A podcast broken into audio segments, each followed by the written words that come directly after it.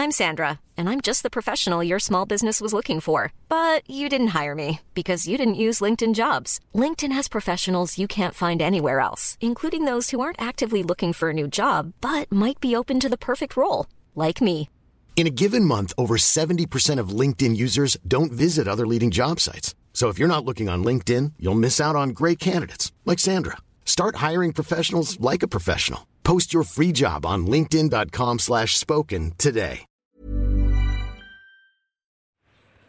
Hai, aku Pirda dari podcast tentang menerima. Sebelum episode ini dimulai, aku mau ngasih tahu bahwa sekarang bikin podcast itu gampang banget. Di mana kamu bisa install aplikasi Anchor yang merupakan bagian dari Spotify.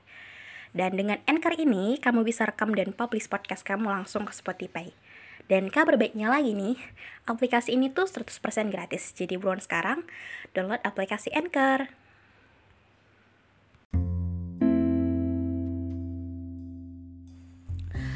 Untuk kalian yang pertama kali mampir ke podcast ini, hai, selamat datang. Dan untuk kalian semua pendengar setianya podcast tentang menerima, makasih untuk gak pernah bosan dengerin di sini.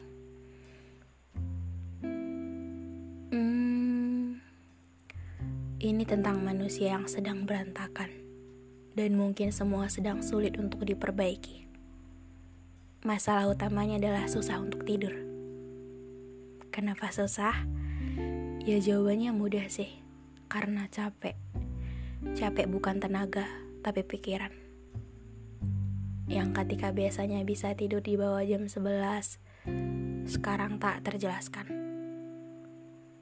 Bahkan sekarang kayak malam adalah waktu tepat untuk overthinking, untuk nyesel, untuk nangis, untuk ngeluh, untuk segala perasaan yang menyakitkan. Aku capek untuk berusaha, tapi gagal yang selalu kutemui. Untuk selalu bisa berani, tapi masih selalu salah. Aku sekarang udah gak terpengaruh sama omongan orang lain. Tapi dengan sendiri, itu masih hal yang merepotkan. Segala hal ku coba. Banyak kesempatan ku ambil, tapi di prosesnya aku gak tahu harus fokus ke mana. Pengen diem aja kayak manusia biasa, tapi ingat lagi bahwa kalau nggak berusaha nanti hasilnya nggak akan lebih baik dari hari ini. Tapi setelah sekarang ngambil banyak hal jujur lagi berantakan. Jadi sebut saja nama aku sih berantakan. Karena semua memang sedang berantakan. Pikiran, kegiatan, jam tidur semangat untuk menyambut hari-hari udah nggak sesemangat dulu lagi. Kayak muak mengejar semua hal tapi ujung-ujungnya kayak nggak ada hal yang memang bener-bener nyenengin gitu. Hal yang aku sukai berubah menjadi hal yang paling aku hindari. Manusia yang selalu ada kini jaraknya jauh. Mimpi yang ada nyatanya memang sesusah itu untuk digapai emang harus ya dewasa semeribetkan ini. Dulu ketika masih di SMP atau awal-awal masuk SMA kayaknya dewasa menjadi hal yang ingin cepat-cepat supaya kita benar-benar bisa bebas untuk kayak orang-orang gitu. Bebas untuk nentuin mau kita apa di hidup. Dulu yang dipikirin mungkin cuman kayaknya kuliah seru deh gitu. Jam kuliah nggak kayak uh, di pelajaran SMP atau SMA ya emang nggak banyak mata kuliahnya tapi tugasnya kan dan juga ketika dulu ketika ngeliat orang dewasa buka laptop nongkrong di kafe gitu kelihatan kayak keren banget sih gitu sekarang ketika jadi salah satu orang itu pusing sendiri emang ya kelihatan nggak pernah bisa semenyenangkan kenyataan karena sekarang bingung, pertanyaannya cuma satu. Harus gimana lagi? Apalagi yang harus dicoba? Apalagi yang harus dipertahankan? Siapa lagi yang harus dipercayai? Harus dengan cara apa lagi supaya bisa menikmati fase-fase paling dihindari ini? Jadi sekarang mungkin lagi nyari sumber tenang. Selain berdoa dan berserah kepada Tuhan, mungkin caranya adalah dengan melihat sekitar. Lihat bahwa ternyata memang dan faktanya memang bukan cuma kita aja sendiri yang ngerasain ini hampir anak-anak seusia kita juga lagi mengalami hal yang sama atau mungkin lebih buruk dari yang kita rasain. Ya walaupun tergantung juga sih, ada yang mau jujur untuk ngaku bahwa iya dan ada pula yang selalu berpura baik-baik aja gitu. Memang kalau jadi manusia harus berusaha, tapi hasilnya kan gak harus berhasil terus. Karena kalau semua tentang berhasil, kita nggak akan tahu rasanya kalah gimana dan untuk cara lebih baik lagi nanti kan harus juga punya sebuah pengalaman. Jadi kadang perlu juga untuk gagal untuk ngerasain perasaan itu dan menjadikan itu sebuah penyemangat dan pengingat bahwa namanya juga hidup. Pasti akan selalu ada hal-hal seru hal-hal sedih atau banyak hal yang memang harus kita rasain gitu. Dan kalau susah tidur itu perbaiki pikirannya. Karena pikiran kita sebenarnya solusi untuk benar-benar bisa lebih baik gitu, untuk lebih bisa teratur gitu. Dengan mikir bahwa nggak semua harus sekarang. Besok kita akan sampai. Karena yang kita beri nggak mesti harus dikembalikan.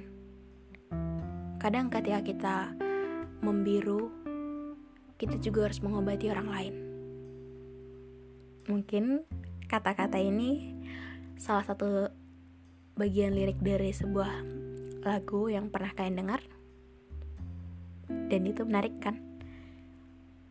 Aku ulangi lagi. Karena yang kita beri gak mesti harus dikembalikan. Kadang ketika kita membiru kita juga harus mengobati orang lain. Paham kan maksudku? Bahwa kadang ada sebuah alur dalam hidup yaitu harus berantakan semua dulu. Baru setelah itu kita hasilnya bener-bener nggak terduga nanti harus susah tidur dulu harus capek dulu harus berkali-kali salah dulu harus lebih banyak gagalnya juga. Dan hal yang menyulitkan adalah kita harus terima dan bertahan dan mencoba bersuka cita. Ya gimana tuh? Susah kan? Ya emang harus susah dulu baru akan menyenangkan. Dan ini memang nyata.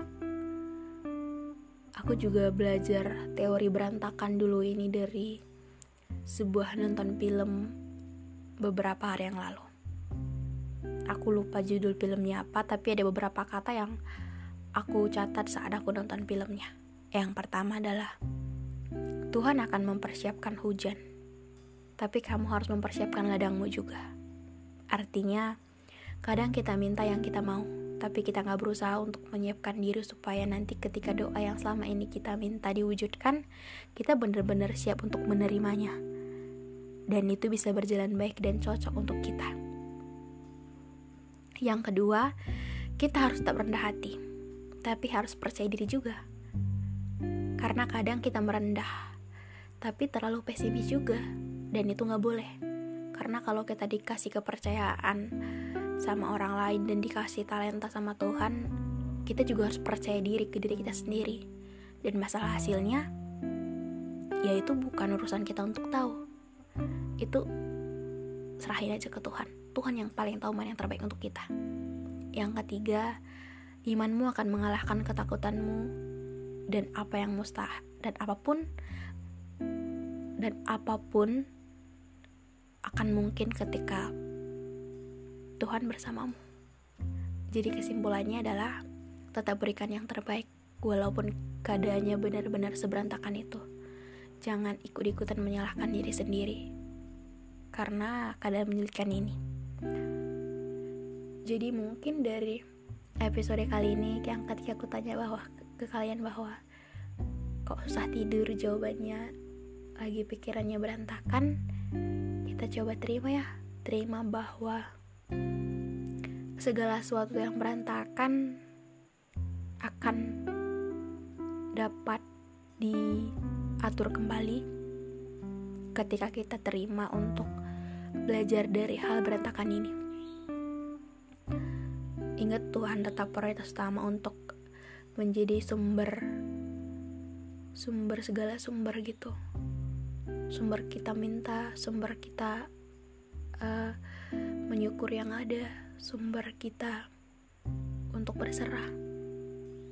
Dan sebagai manusia mungkin memang akan sangat meribetkan ketika kita yang biasanya uh, punya hidup yang tertata rapi kini benar-benar berantakan.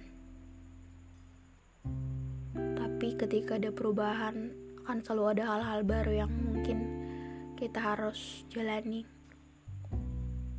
Tapi pastinya hal-hal yang berantakan hari ini akan menghasilkan hal-hal terbaik juga nanti. Jadi, kalau susah tidur, perbaiki pikirannya ya. Lakukan sebisa yang kita bisa. Berikan kemampuan kita yang terbaik untuk hal-hal yang sedang kita lakukan atau hal-hal kesempatan yang memang lagi kita jalani. Kalau capek istirahat, ngeluh juga boleh, tapi jangan keseringan. Dan di sini kita saling nguatin. Ketika aku ngomong gini bukan berarti aku bener-bener sudah lakuin apa yang aku dengar dan apa yang aku bilang di sini tapi aku juga belajar dari diriku sendiri. Dan semoga ketika kalian dengar ini kalian juga bisa ambil banyak sedikit banyaknya hal-hal yang memang bener-bener bisa kalian terapin juga ke diri kalian so itu aja episode kali ini hmm, Jangan lupa untuk follow podcast tentang menerima ini. Dikasih juga rating bintang 5. Dan oh iya, sampai lupa. Untuk kalian yang pengen ngirim cerita, boleh DM aja ke Instagramku di Birdayan orang. Aku tunggu cerita kalian dan semoga cerita kalian benar-benar layak untuk kita bagikan di sini dalam arti banyak hal-hal yang kita bisa dapatkan ketika kita bisa sharing di sini. So, itu aja yang mau aku sampaikan. Makasih dan dadah.